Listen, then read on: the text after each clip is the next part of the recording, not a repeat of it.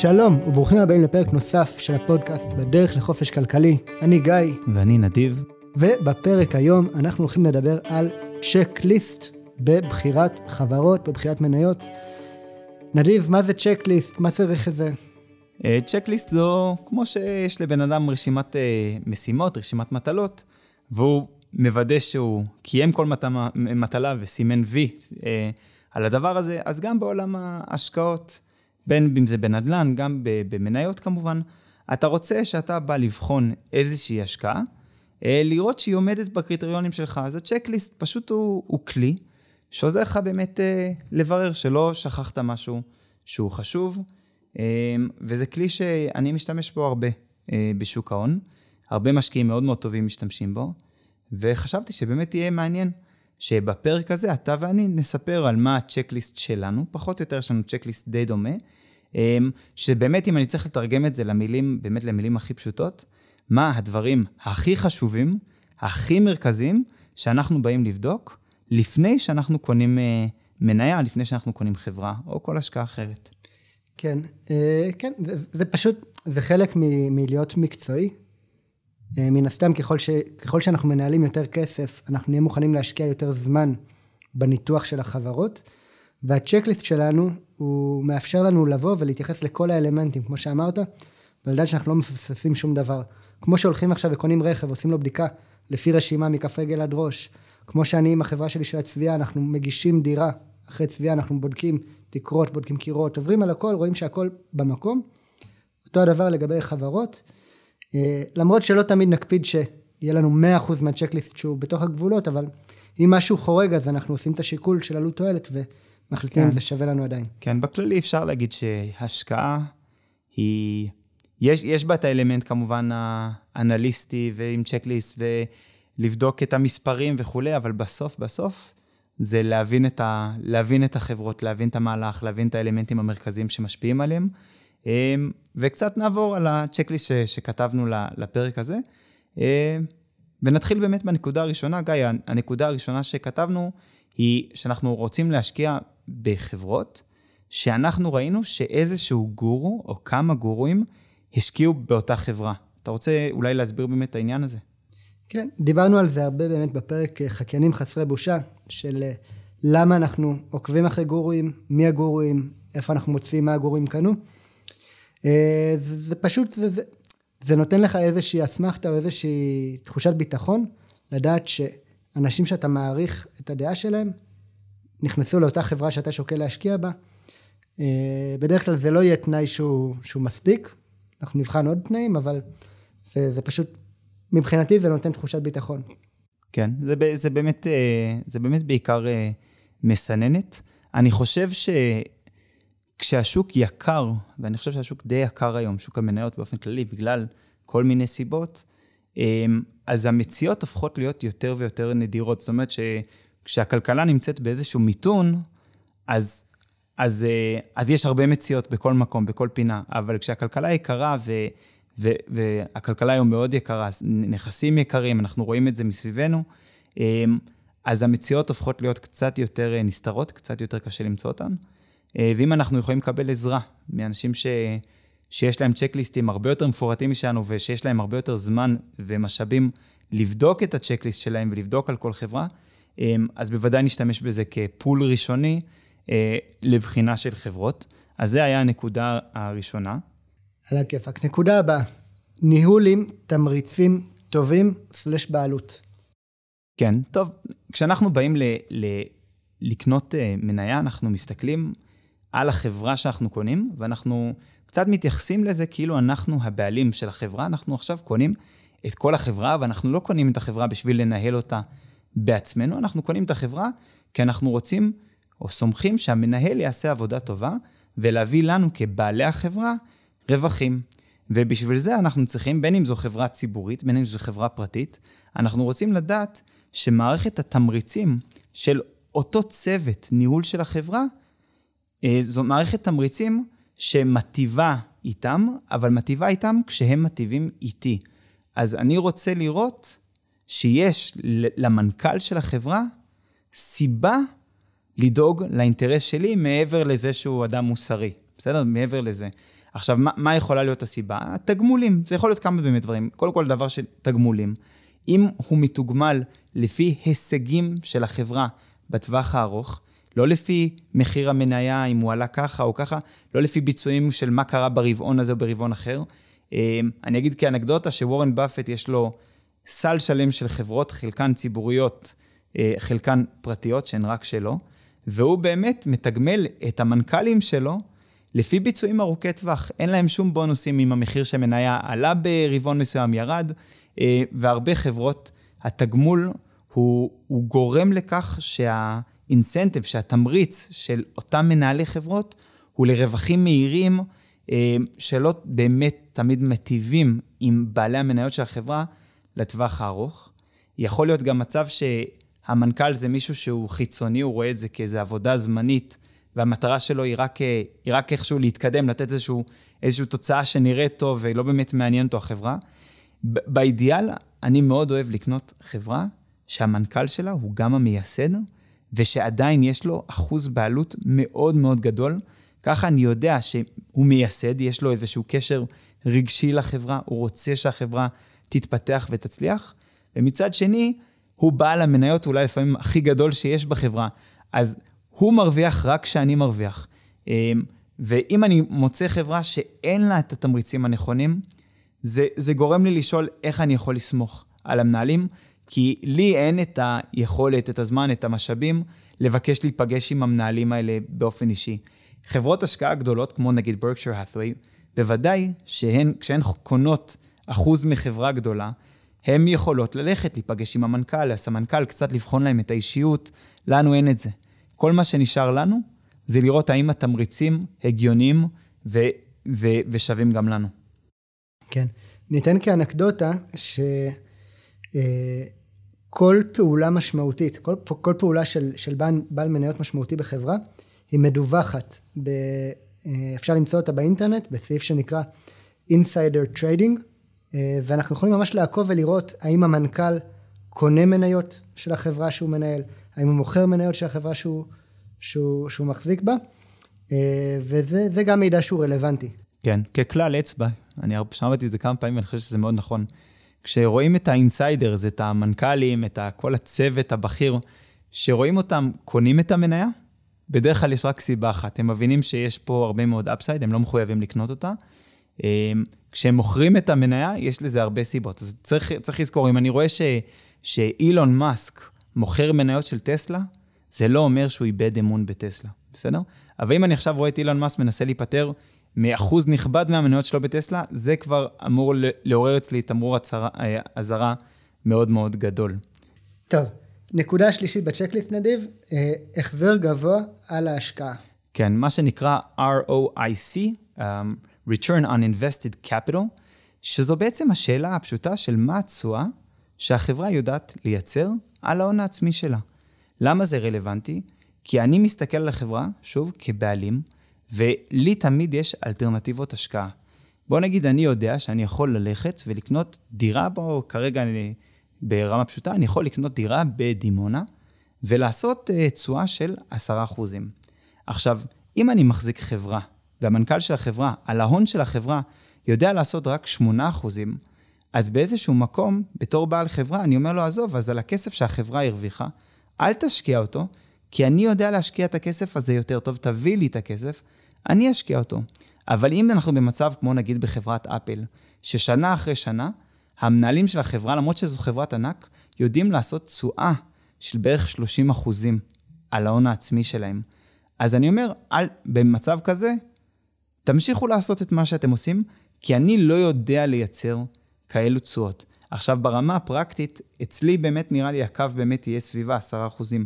אם אני רואה חברה שלא מצליחה, אם שנה אחת הייתה פלטה זה בסדר, אבל אני רואה ששנה אחרי שנה הם נשארים סביב ה-10% ומתחת לכך, אני לא ארצה מלכתחילה להשקיע בחברה הזו.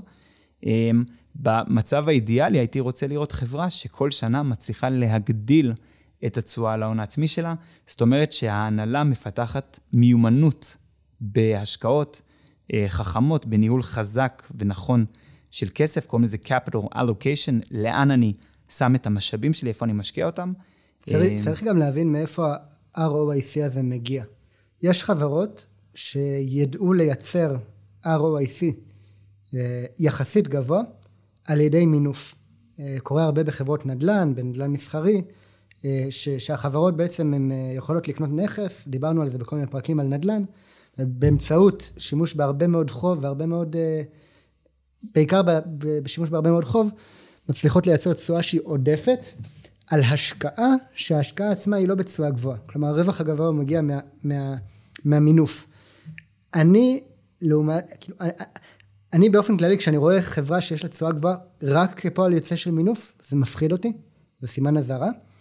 לעומת זאת, בצד השני של הסקאלה, יש לך חברות שיודעות לייצר תשואה שהיא מאוד מאוד גבוהה, עם מעט מאוד מינוף. אה, שזה בעיקר חברות שיש להן תעלה, שעוד מעט נדבר על מה זה תעלה, אה, אבל כמה שחברה יודעת לייצר תשואה יותר גבוהה על ההון העצמי שלה, באמת על ההשקעה, לא, לא על המינוף, זה מצביע לך על חברה שיש לה כוח תחרותי מאוד חזק. כלומר, היא עושה משהו שהמתחרים לא יכולים עכשיו לבוא ו, ולריב איתה על מחירים ולעשות אה, חיתוך מחירים בצורה ש, שהתשואה שלה תרד. אה, וזה מעיד לנו על איזשהו יתרון תחרותי שהוא מאוד מאוד חזק. אה, אז תשואה שהיא חריגה לחיוב לאורך הרבה שנים של חברה, תשואה באזור ה-20-30 אחוז, זה דבר שהוא מאוד מאוד אטרקטיבי לראות. כן, צריך פשוט להבין שאם חברה יודעת להשקיע את הכסף שלה בתשואות גבוהות, מחיר המניה יעקוב אחרי זה עם הזמן. הדיבידנדים גם כן יעקבו אחרי, הזמן, אחרי זה עם הזמן, וגם כן יעלו. אה, זו אינדיקטור ממש חשוב. אני חושב שאולי מתוך כל, כל הדברים שאמרנו עד עכשיו, אולי זה אחד הדברים הכי חשובים. אה, אולי הכי חשוב ש... מכל מה שדיברנו עליו עד עכשיו. אה, ואז הגענו לדבר הבא שהוא באמת חשוב, שכבר הזכרת אותו, שהוא תעלה. עכשיו, תעלה זה קצת, זה, קצת תרגמנו את זה בצורה חופשית, מוט. מוט זו תעלה ימי ביניימית, כשאומרים מוט. בדרך כלל זאת הכוונה, שאם אנחנו... שמקיפה טירה, שיש בה תנינים. בדיוק, יש איזו טירה עם נסיכה בפנים ותנינים מסביב בתוך התעלה, אה, והתעלה הזאת מגנה על הטירה מפני הפולשים, וככל שהתעלה תהיה יותר רחבה ויותר עמוקה ועם יותר תנינים, אז ככה הסיכוי שהפולש הזר יצליח לכבוש את אותה טירה יורד. עכשיו, בעולם של החברות, לחברות מתייחסים, התעלה הזאת היא היתרון התחרותי שלהם. מה גורם לכך שחברת הצבע שלך, גיא נגיד, לא יבוא איזה מישהו שיפתח חברת צבע בוטיקית ויתחרה בך באופן ישיר ותוכל להגיד, לא, לא, המוצר שלי הוא, הוא אחר, יש לי איזושהי הגנה. שאתה רואה כל הזמן, כי, כי כשאין תעלה, האלטרנטיבה תמיד תהיה להוריד את המחיר. אתם מבינים, אם יש עסק שאין לו שום יתרון באמת, ומגיעה תחרות, אז מה הוא עושה? אז הוא, אז הוא מוריד את המחיר, והמתחרה מוריד את המחיר, ואז מגיעים לסוג של אה, תעשיות ששולי הרווח שלהם הם מאוד מאוד נמוכים, שקלאסי נגיד זה תחום הסופרמרקטים, אה, הטיסות המסחריות, אה, שולי הרווח הם מאוד נמוכים, כי, כי אין יתרון תחרותי. ואנחנו לא, לא ששים להשקיע בחברות שאין להן יתרון תחרותי, ואפילו הפוך, אנחנו מאוד מאוד, כי אנחנו מסתכלים קדימה לעתיד, 5, 10, 20 שנה קדימה, מאוד חשוב לנו שיהיה יתרון תחרותי. עכשיו, גיא, יתרון תחרותי מגיע בכמה, בכמה גוונים, בכמה צורות. אתה רוצה לתת אולי כמה דוגמאות של חברות שונות שיש להן יתרון תחרותי שונה? כן, יש, יש תעשיות שהמבנה של התעשייה באופן טבעי הוא כזה שמוביל לכמה שחקנים גדולים שיש להם יתרון תחרותי. לעומת זאת, יש תעשיות שהמבנה של התעשייה באופן, טובי, באופן טבעי מוביל להיעדר אה, קווים כאלה של אה, קושי בלייצר אה, יתרון תחרותי. דוגמה קלאסית זה למשל גוגל. לגוגל יש סוג של מונופול על, על עולם החיפוש באינטרנט, לפחות בעולם המערבי. אה, וזה יתרון ש, שמזין את עצמו. כי כיוון שגוגל היא נהייתה הכי, הכי גדולה והכי טובה ב, ב, בעולם החיפוש, אז באופן טבעי כולם הולכים אליה, ואז באופן טבעי כולם מפרסמים בה, והאלגוריתם של גוגל שמדרג אתרים, אנשים שעכשיו באים לכתוב אתר, הם כותבים את האתר במחשבה איך המנוע של גוגל עכשיו יקרא את האתר שלי. אז באופן טבעי, כל האתרים נבנים כדי להתאים לגוגל, ולמעשה היא הולכת והיא מחזקת את היתרון התחרותי שלה עם הזמן. מאוד קשה לחברות אחרות, אין להן מה להציע בקטע של בואו אליי ולא לגוגל, כי, כי, כי, כי אני אציע לכם משהו אחר. היא גם לא גובה כסף על החיפוש, אז זה איזשהו יתרון שמזין את עצמו. לפייסבוק יש יתרון, לא, לא סתם החברות הכי גדולות, הן בדרך כלל החברות עם היתרון התחרותי הכי גדול. זה לא סתם. לפייסבוק יש יתרון עצום ברשת החברתית שלה, כי בסוף כולם רוצים רשת חברתית אחת, ואיפה שנמצאים רוב האנשים, כמו ש... איפה שהמסיבה הכי גדולה, לשם אנשים רוצים ללכת. כן, יש גם יתרון uh, תחרותי של, uh, של uh, חסמי כניסה שפשוט קשורים ל, לעלות. נגיד בתחום התעופה, אני לא מדבר על חברות התעופה המסחריות, אני מדבר על חברות שמייצרות את המטוסים, אם זה איירבוס או, או בואינג. זה תחום שאם אני עכשיו בתור יזם, אפילו אם יש לי הרבה כסף, אני עכשיו רוצה לפתוח חברה שתייצר מטוסים, מטוסי נוסעים, זה עולה הון תועפות, הידע, הטכנולוגיה, המקום, החומרים, ההזמנות. מאוד מאוד קשה להיכנס לתחום הזה. אמ, אז נגיד בואינג היא חברה שלמרות הקורונה וכמה שהיא נפגעה והיה את ההתרסקויות של המטוסים ו- וכל הפרשייה הזאת שהייתה עם המטוסי, לא זוכר, מקס, לפני שנה וחצי, שנתיים, עדיין יש לה איזשהו יתרון תחרותי מאוד מאוד גדול. אני חושב שעוד תחום שיכול להיות יתרון תחרותי, ואם אנחנו נגיד בעולם של ה-commodities, שזה הסחורות, שעדיין לא יצא לנו באמת לדבר על סחורות, שזה דבר מאוד מעניין, סחורות יכול להיות uh, קפה, אורז, תירס, נפט, באופן כללי, גז. באופן כללי סחורות זה, זה מוצרים שהרמת הבדל ביניהם, אה, רמת השוני ביניהם היא, היא אפסית. כלומר... כן, לא, לא, לא מעניין לא אותי מי ייצר את הברזל שאני קונה. מה מעניין אותי? מי מייצר אותו? מי, מי מוכר לי אותו הכי זול? ומי יוכל למכור לי אותו הכי זול לאורך זמן? מי שיכול לייצר אותו, לחצוב אותו, במחיר הכי נמוך. אז אם אפשר לקנות אה, חברה שמתעסקת בסחורות, אבל באמת יש להם את המרבצי נפט הכי נגישים והכי זולים, ואת כוח העבודה הכי זול, אז אני יודע שלא משנה כמה המחיר של הנפט ירד, עדיין הם יצליחו להיות רווחיים. שכל השאר כבר אה, יפסיקו להיות רווחיים, להם יש אה, איזשהו יתרון. הרבה חברות שיש להן את היתרון התחרותי של ייצור במחיר הכי זול, משתמשות גם באסטרטגיות מאוד מאוד אגרסיביות כדי למנוע ממתחרים חדשים להיכנס לשוק. אמזון למשל, ברגע שהיא השתלטה על נתח שוק שהוא כל כך גדול מתחום ה retailing, אה, ברגע שיבוא עכשיו מתחרה וינסה להתחרות עם אמזון, אמזון היא חברה מספיק חזקה ש, שהיא יכולה להוריד את המחירים באופן זמני, היא יכולה להיכנס להפסדים, היא יכולה למכור לך מוצרים בהפסד, כי היא יכולה לעמוד בזה עכשיו, היא יכולה לעמוד בהפסדים שנה-שנתיים, והיא תחנוק את המתחרה, את המתחרה היותר קטן שלה שלא יכול לעמוד בזה, וזה דבר שמאפשר לה בטווח ארוך לשמור על מחירים שהם, שהם יותר גבוהים. כן, פעם שמעתי שככה ארכדי גיידמק השתלט על אה, שוק הביצים ברוסיה, שהוא פשוט אה, מכר בזול בהפסדים, וגרם לכולם לפשוט את הרגל וקנה, וקנה את המתחרים. אה, זו מתודה ש... יש היום, יש, יש היום רגולציה עליה, כן. יש הרבה מדינות ש, ש, שאוסרות. כי זה פוגע בצרכנים בטווח הארוך. כן. זה, לא, זה, לא, זה לא מה שנקרא תחרות הוגנת.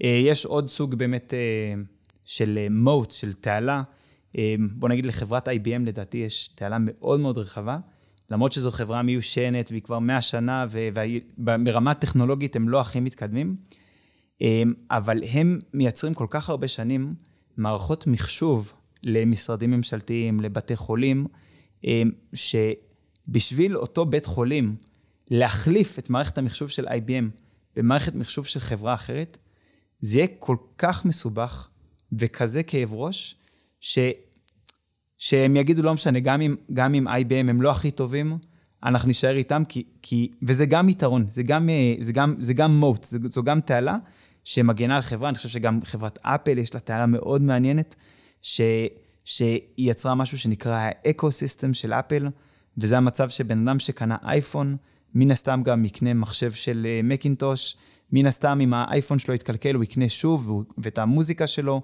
הוא שומע דרך האפליקציה של, אה, של אפל. איזושהי מערכת של נאמנות ש... שגורמת לכך ש... עלויות, לא עלויות החלפה גבוהות, עלויות החלפה גבוהות, לא, לא רק כלכליות, יכול נכון, להיות גם נפשיות, פסיכולוגיות, ש, שמאוד קשה לך עכשיו לעבור, אה, עכשיו, לעבור ספק. עכשיו, אני שמעתי על, על מוט אחד שהוא באמת, אה, שבאמת תפס אותי חזק, שאף פעם לא חשבתי עליו, אבל מישהו, מישהו, שמעתי מישהו אומר, שבאמת התעלת הגנה הכי טובה לחברה, זה שהיא ממצבת את עצמה כבעלת מוצר שונה לחלוטין. זאת אומרת, היא אומרת, היא יוצרת מצב שבעיני הלקוח, היא לא באמת מתחרה של חברות אחרות. יש לה איזשהו יתרון כזה, ש, ש, שהיא עומדת בפני עצמה. יש לך דוגמה לחברה כזו?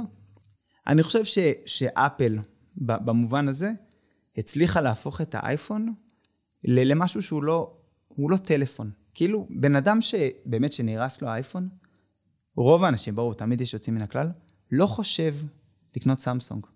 זה לא עובר, זה לא עובר לאנשים בראש. כי, כי סמסונג זה, זה עוד איזה פלאפון סיני או מהמזרח, למרות שסמסונג זה לא באמת, זה קוריאני, אבל זה, זה משהו אחר. אין לזה, זה לא באותה רמה, זה לא באותה איכות. עכשיו, כמובן, יש דברים ש, שכן, אולי זה, בן אדם כן יחליף לסמסונג, אבל, אבל רוב האנשים יחליטו שלא, כי הם באמת רואים את זה כמוצר אה, ברמה אחרת לחלוטין. טוב, נקודה הבאה, מסלול המראה ארוך. מה זה אומר מסלול המראה ארוך? כן, מכיוון שאנחנו משקיעים לטווח הארוך, אנחנו לא, באידיאל אנחנו לא רוצים למכור חברות אחרי שנה, שנתיים, שלוש. אנחנו, באידיאל אנחנו רוצים לקנות חברה ולהחזיק אותה לנצח, ולתת כן. אותה לילדים שלנו, ש- ושיבנו לנכדים. שזה, שזה משתי סיבות בגדול. שתי גם מסיבות של אה, לראש. מיסוי. מה הסיבה השנייה ש...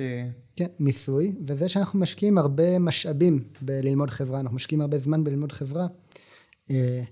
זה קצת, זה קצת לא שווה את הזמן ללמוד חברה בשביל, בשביל לקנות ולהחזיק אותה כמה חודשים או חצי שנה ו- ולעבור הלאה.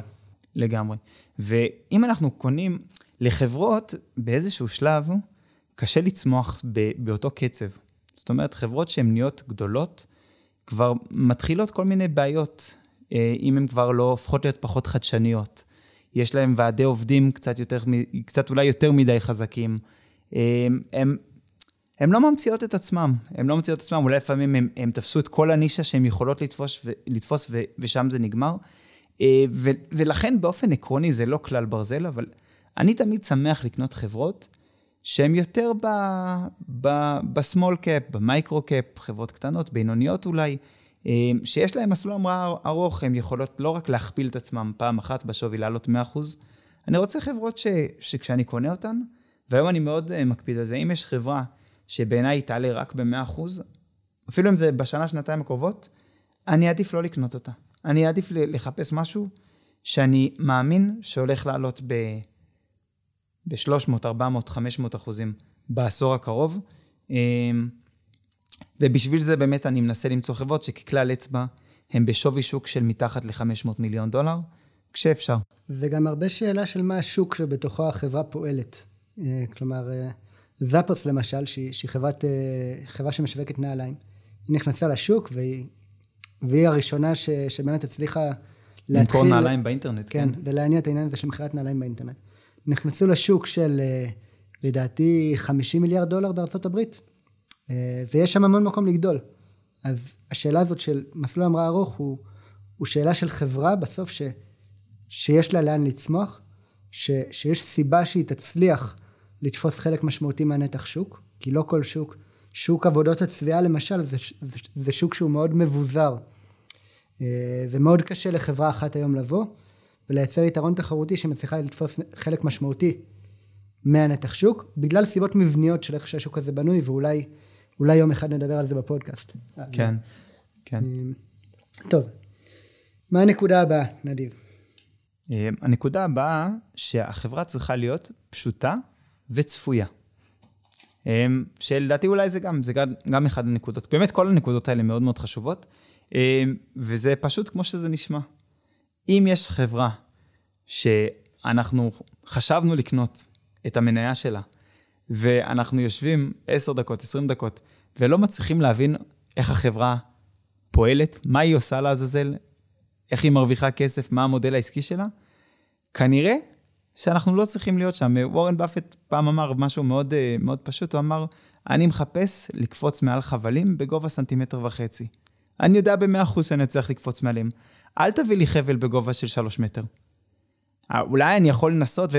וזה, וזה, זו טעות שהרבה משקיעים עושים, שהם מתלהבים מהרבה מאוד חברות שהם בכלל לא מבינים, ו... ולפעמים הרווחים הכי גדולים, לא, באמת בעיניי בדרך כלל זה ככה, הרווחים הכי גדולים, זה שהתוחלת היא מאוד מאוד גבוהה, כי אתה יודע מה אתה עושה. ווורן באפט, נגיד, תחום שהוא מאוד מאוד מבין בו זה תחום הביטוח. ומבחינתו של וורן באפט, הוא יכול להשקיע בתחום הביטוח, בידיעה כמעט של 100% שהוא לא ייכשל, כי זה ה-bread and butter שלו, זה התחום שלו. אמ, וטכנולוגיה לאורך הרבה שנים לא היה התחום שלו, והוא ידע להשקיע איפה, איפה שהוא מבין. אני חושב שבני אדם נוטים לתת לעצמם יותר מדי קרדיט על מה הם מבינים, אמ, ו, ואני אפילו אגיד את זה אמירה, כאילו, לדעתי רוב האנשים, ואני כולל את עצמי בזה, לא מצליחים ולא יכולים להבין את רוב החברות. אולי אם, אם ממש ישקיעו הרבה מאוד זמן, אמ, ואני חושב שאם אנשים ישקיעו בחברות שהם באמת מבינים בתחום שלהם, אה, הם מייצרים לעצמם יתרון תחרותי עצום בתור אה, משקיעים, ש, שכדאי אה, לנצל אותו. וורן באפט מספר שיש לו על השולחן, הוא קורא דוחות רבעוניים של חברות וכולי. אם הוא רואה חברה שהוא מסובך מדי, הוא שם את זה בערימה של המסובך מדי, וזהו, לא...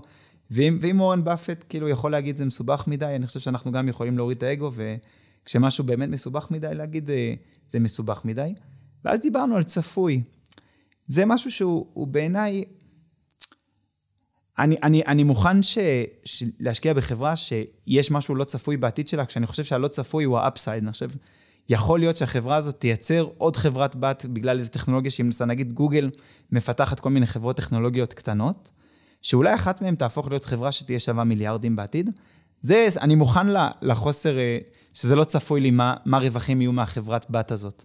אבל אני רוצה לדעת, פחות או יותר, שגוגל הרוויחה השנה מה, מהרווחים של הפרסומות שלה, שזה עיקר הרווחים, יותר משנה שעברה, וששנה הבאה היא צפויה להרוויח יותר, ו, וחברה שאולי יום שנה אחת כן, אולי שנה אחת לא תרוויח, שזה מפוזר, אה, זה גם פוגע בתשואה לאורך זמן, אה, להשקיע בחברות כאלה.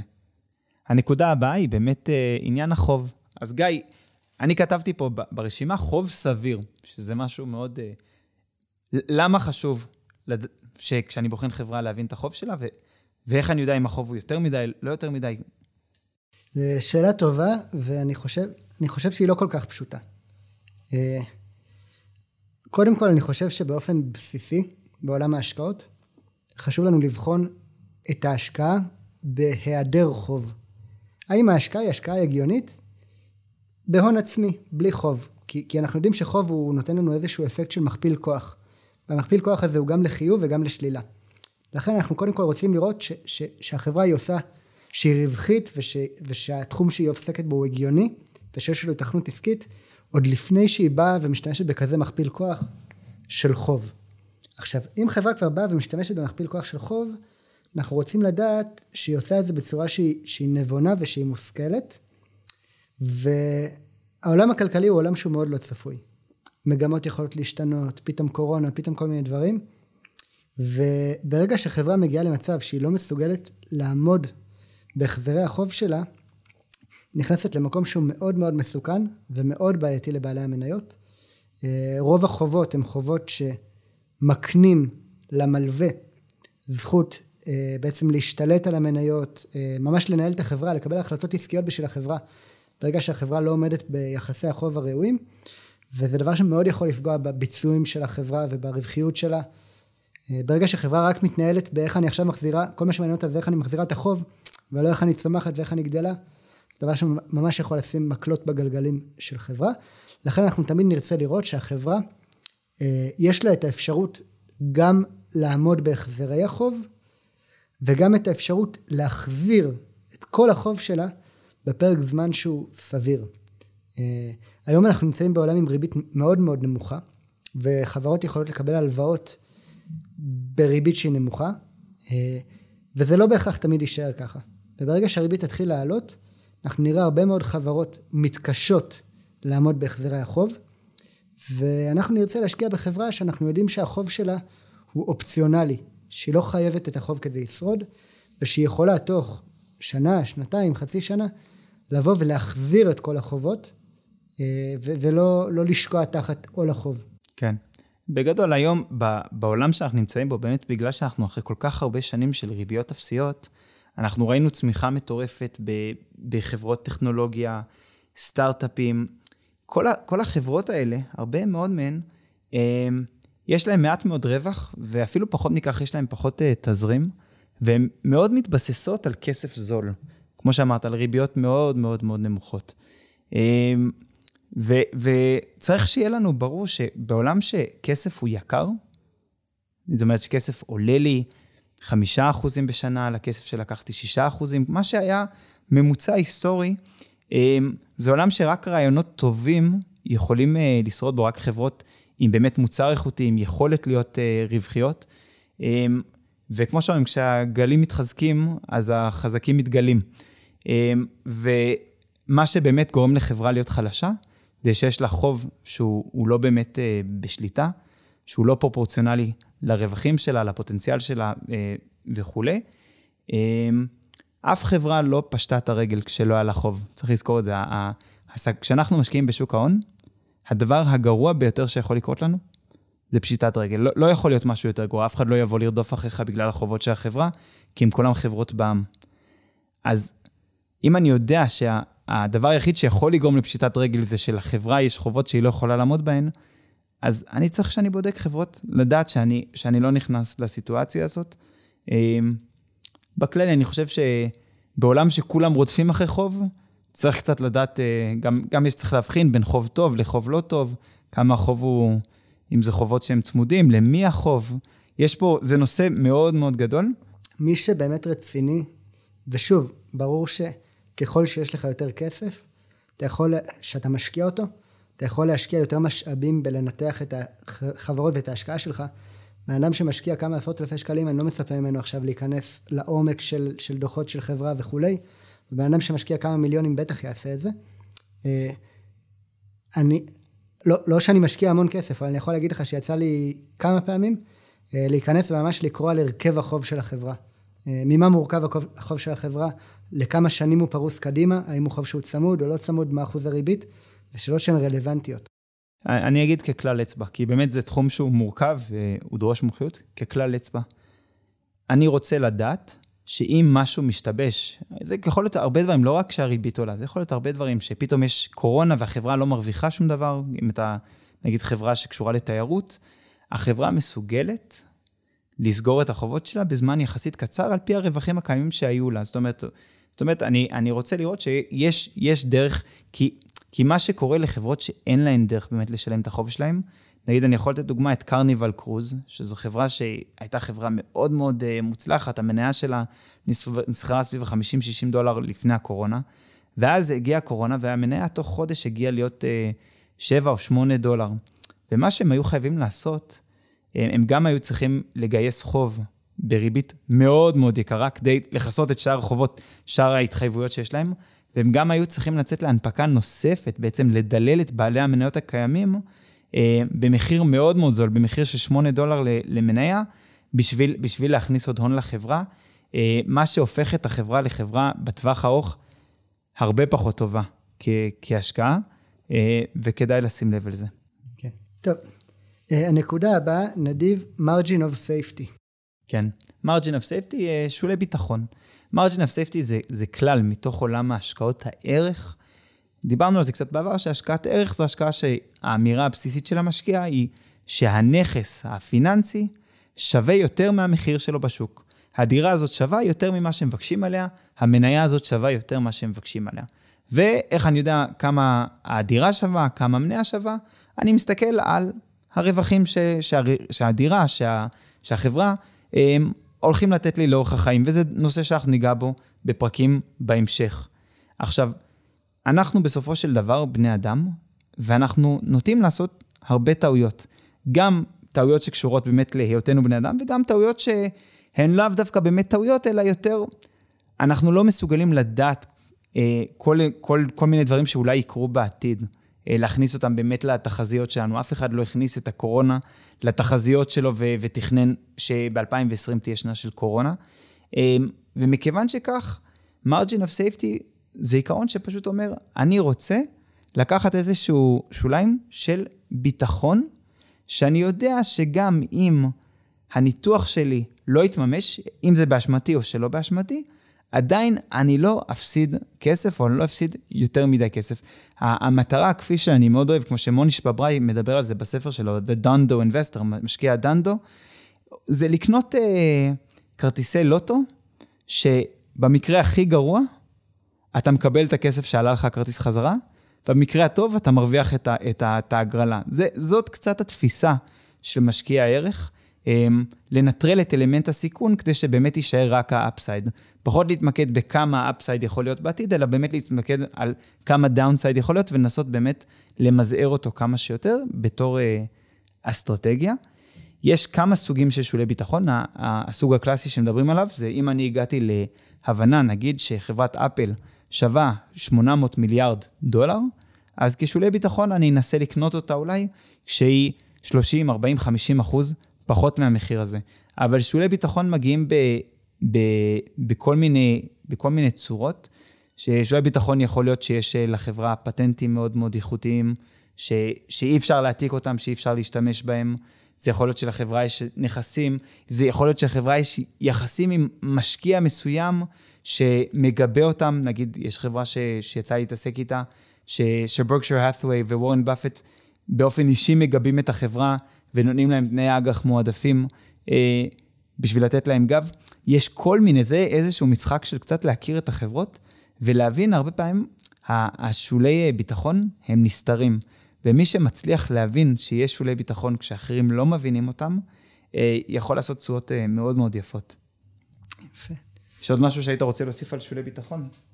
אה, רק שבאופן כללי, אני, אני באופן אישי, ככל שהחברה, אני תופס אותה כיותר איכותית, כיותר אמינה, כהשקעה שהיא יותר טובה, אני פחות ארצה לראות שולי, שולי ביטחון במחיר, ככל שהחברה פחות, אני רוצה לראות יותר. נכון, אבל חברה אמינה וטובה זה שולי ביטחון בפני עצמם, ברמה מסוימת. כי, כי אם יש לך חברה שהיא טובה, אמינה ו- והיא סך הכל צומחת, אז אתה אומר, גם אם התזה שלי לא, לא, לא תתבר, תתברר כצודקת, ואני חשבתי שהמניה הולכת לשלש את עצמה תוך שנתיים-שלוש, אבל היא תמשיך לעלות, אז גם אז אתה, ההפסד שלך מאוד מוגבל אם השקעת באמת בחברה טובה. כן. נקודה הבאה, נדיב, והיא הנקודה האחרונה להיום. היא הנושא של אה, רוח גבית של מגמה ארוכת טווח. מה זה אומר? כן, אה, זה קצת מתקשר לנקודה ש, שדיברנו על, על, על, על תחרות.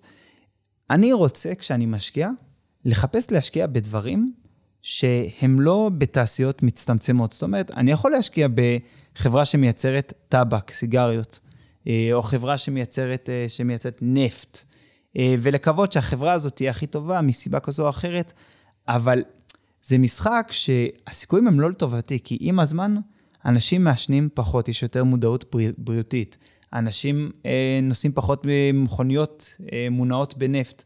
וכשאני משקיע, וזה אומר, זאת אומרת, אם, אם התחום מצטמצם, זאת אומרת שהתחרות על הלקוחות הקיימים באופן כללי, היא יכולה לגדול, הרווחים יכולים לרדת עם הזמן, וגם אם זה לא יקרה, אני יודע שיש איזשהו תאריך פג תוקף. זאת אומרת, אני יודע ש... שעוד 70 שנה, אני יודע שלא יהיו מכוניות נפט שייסעו על, על דלק. אני יודע את זה. כי, כי, כי זה כל המגמה של כל... בישראל, לדעתי, ב-2030 כבר אסור למכור מכוניות מבוססות אה, דלק, גם באירופה, גם בארצות הברית. זה הכיוון ש, שהעולם הולך אליו. ואני יכול לנסות להיות הבן אדם המתוחכם שתפס בדיוק את חברת הנפט שכן הצליחה, למרות כל הזה, אני מעדיף ללכת ולהשקיע בחברות שאני לא צריך להיות גאון, שהם בתחומים שהם סך הכל צומחים, מתרחבים. נגיד, תחום המסחר באינטרנט הוא תחום שאני חושב שהוא הולך לגדול עם הזמן. אני אעדיף להשקיע בו מאשר בתחום שאני חושב שהוא מצטמצם עם הזמן. אה, כמובן, אם אני חושב שלחברה שאני משקיע בה יש איזשהו יתרון תחרותי בתוך התחום הזה, שייתן לה באמת את היכולת להמשיך לצמוח ולהתקיים. רוח גבית של מגמה שהיא מגמת צמיחה, אה, כמו למשל אנרגיה מתחדשת היום. כמו למשל להיות במדינה עם איזשהו גידול מסיבי באוכלוסייה. או מעבר של אוכלוסייה מנגיד מדינות עולם שלישי, או מדינות מתפתחות, שהופכות להיות מדינות עולם ראשון. כן. אה, מגמות כמו הזדקנות, יש בעולם מגמה של הזדקנות. אז חברות שנמצאות בתוך תעשייה שרוכבת על גל ש, שהוא גל צומח, זה משהו שמאפשר לה, להרבה חברות בתחום, אה, זה עושה להם חיים יותר קלים. כלומר, חברה ש, שנמצאת בתוך תחום שהוא צומח והביקוש שלה הולך וגדל באופן טבעי, היא, לקוחות הם יותר סלחניים כלפי טעויות. יש הרבה יותר לקוחות חדשים, יש תחלופה. יש, העוגה כל הזמן הולכת וגדלה. נכון, הצמיחה היא לא על בסיס תחרות בלבד. זאת אומרת, אתה יכול, כל השחקנים יכולים להגדיל את הרווחים שלהם במקביל, כי התעשייה גדלה. ויש הרבה פחות אה, תחרות על מחיר, אה, וחברות באמת, גם אם הן עדיין לא הכי יעילות והכי בשליטה על העלויות שלהן, הן יכולות להצליח. מה שקורה, מה שמעניין ב, ב, כשאתה מסתכל על רוחות גביות שמשפיעות על תעשייה ואתה בוחר באיזו חברה להשקיע בתוך התעשייה הזו, צריך לזכור שבסוף מגיע איזשהו שלב שהרוחות הגביות הן קצת נעצרות. כמובן שאנחנו תמיד נרצה ליהנות משתיים, שלוש, ארבע רוחות גביות שונות, אבל מגיע איזשהו שלב שה, שהתעשייה משתנה, והיא נהיית תעשייה שהיא יותר סטנדרטית ומסורתית, וצריך גם לשאול את עצמך איפה החברה שאני בוחר להשקיע בה תהיה בתוך התעשייה בשלב הזה. ומה המאפיינים שיגרמו לה להצליח במקומות שחברות אחרות לא יצליחו. ו... ויש לזה כל מיני uh, uh, גורמים ו... ו... ואלמנטים, זה הרבה קשור לאופי של המנכ"ל, להתנהלות של החברה, uh, האם היא הגדירה לעצמה החברה, כן. נישה ספציפית בתוך העולם הזה שהיא שולטת בו, האם היא הגדירה לעצמה תעלה, uh, כי ברגע שהרוחות הגביות נעצרות, הרבה חברות לא מצליחות יותר. לא, חברה טובה היא חברה שגם יודעת להתאים את עצמה לרוח, ל, לרוחות הזמן. אין, אין, אין, אין דרך אחרת להגיד את זה, ולכמה שיותר רוחות הזמן. אז אם היום באמת אה, יש מגמה ירוקה ומגמה טבעונית, שזה לא בדיוק אותו דבר, של נגיד צער בעלי חיים, ויש מגמה של אה, קהילה, של אנשים רוצים לחזור יותר לעולם של קהילות, ויש... לא, ואם החברה מצליחה כאילו לרכב, היא מבינה את העניין הזה, היא לא מנסה לנסוע נגד אה, כיוון התנועה, היא מנסה לנסוע עם, ה, עם הרוח, עם הכיוון, אה, ולתפוס כמה שיותר מה, מהיתרונות האלה, אה, מהמגמות האלה, זה יתרון מאוד גדול. אז באמת בפרק הזה דיברנו על כמה וכמה נקודות מאוד מאוד חשובות בצ'קליסט. הן מחייבות אותנו להבין טוב טוב את החברה מבפנים ומבחוץ, זאת אומרת, גם ברמה של מה החברה עושה וגם את ה... בפנים את הרמה הפיננסית של החברה. אמ, וזה קצת חוזר לנקודה שדיברנו עליה בפרק של אה, לחשוב כמו בעלים. אה, מי שבוחר להשקיע במניות אה, ספציפיות, הוא בוחר להיות בעלים של חברות. והוא צריך לעשות קצת יותר שיעורי בית. אני חושב שזה מתגמל גם כלכלית וגם ברמה האישית, הלמידה, גם בתור בעל עסק הדבר הזה מפתח מאוד ללמוד על עסקים אחרים. אבל הוא כן, הוא דורש עבודה. הוא דורש עבודה. אה, ו- ושווה להכיר את זה, כי הרבה מאוד אנשים קונים חברות בלי שום צ'קליסט, סתם כי זה נשמע מגניב מה שהחברה עושה, סתם כי המגמה של המניה, המניה עולה בשנתיים האחרונות, אז למה שלא תעלה? אה, החברה הזאת הולכת לשנות את העולם, כל מיני אמירות כאלה, שאולי הן נכונות, אבל אם אתה לא מסתכל על המחיר של באיזה, באיזה מחיר מוכרים לך את החברה הזאת שהולכת לשנות את העולם, אה, אז עושים טעויות מאוד מאוד כבדות. וזהו, תודה שהאזנתם לפרק נוסף של הפודקאסט בדרך לחופש כלכלי. אתם מוזמנים לעקוב אחרינו בדף הפייסבוק, לשאול שאלות, להעיר הערות. איננו יועצים פיננסיים, ולכן יש לקחת כל מה שנאמר בפודקאסט בערבון מוגבל. אנחנו בסך הכל משתפים אתכם בדרך שלנו לחופש כלכלי. בהצלחה.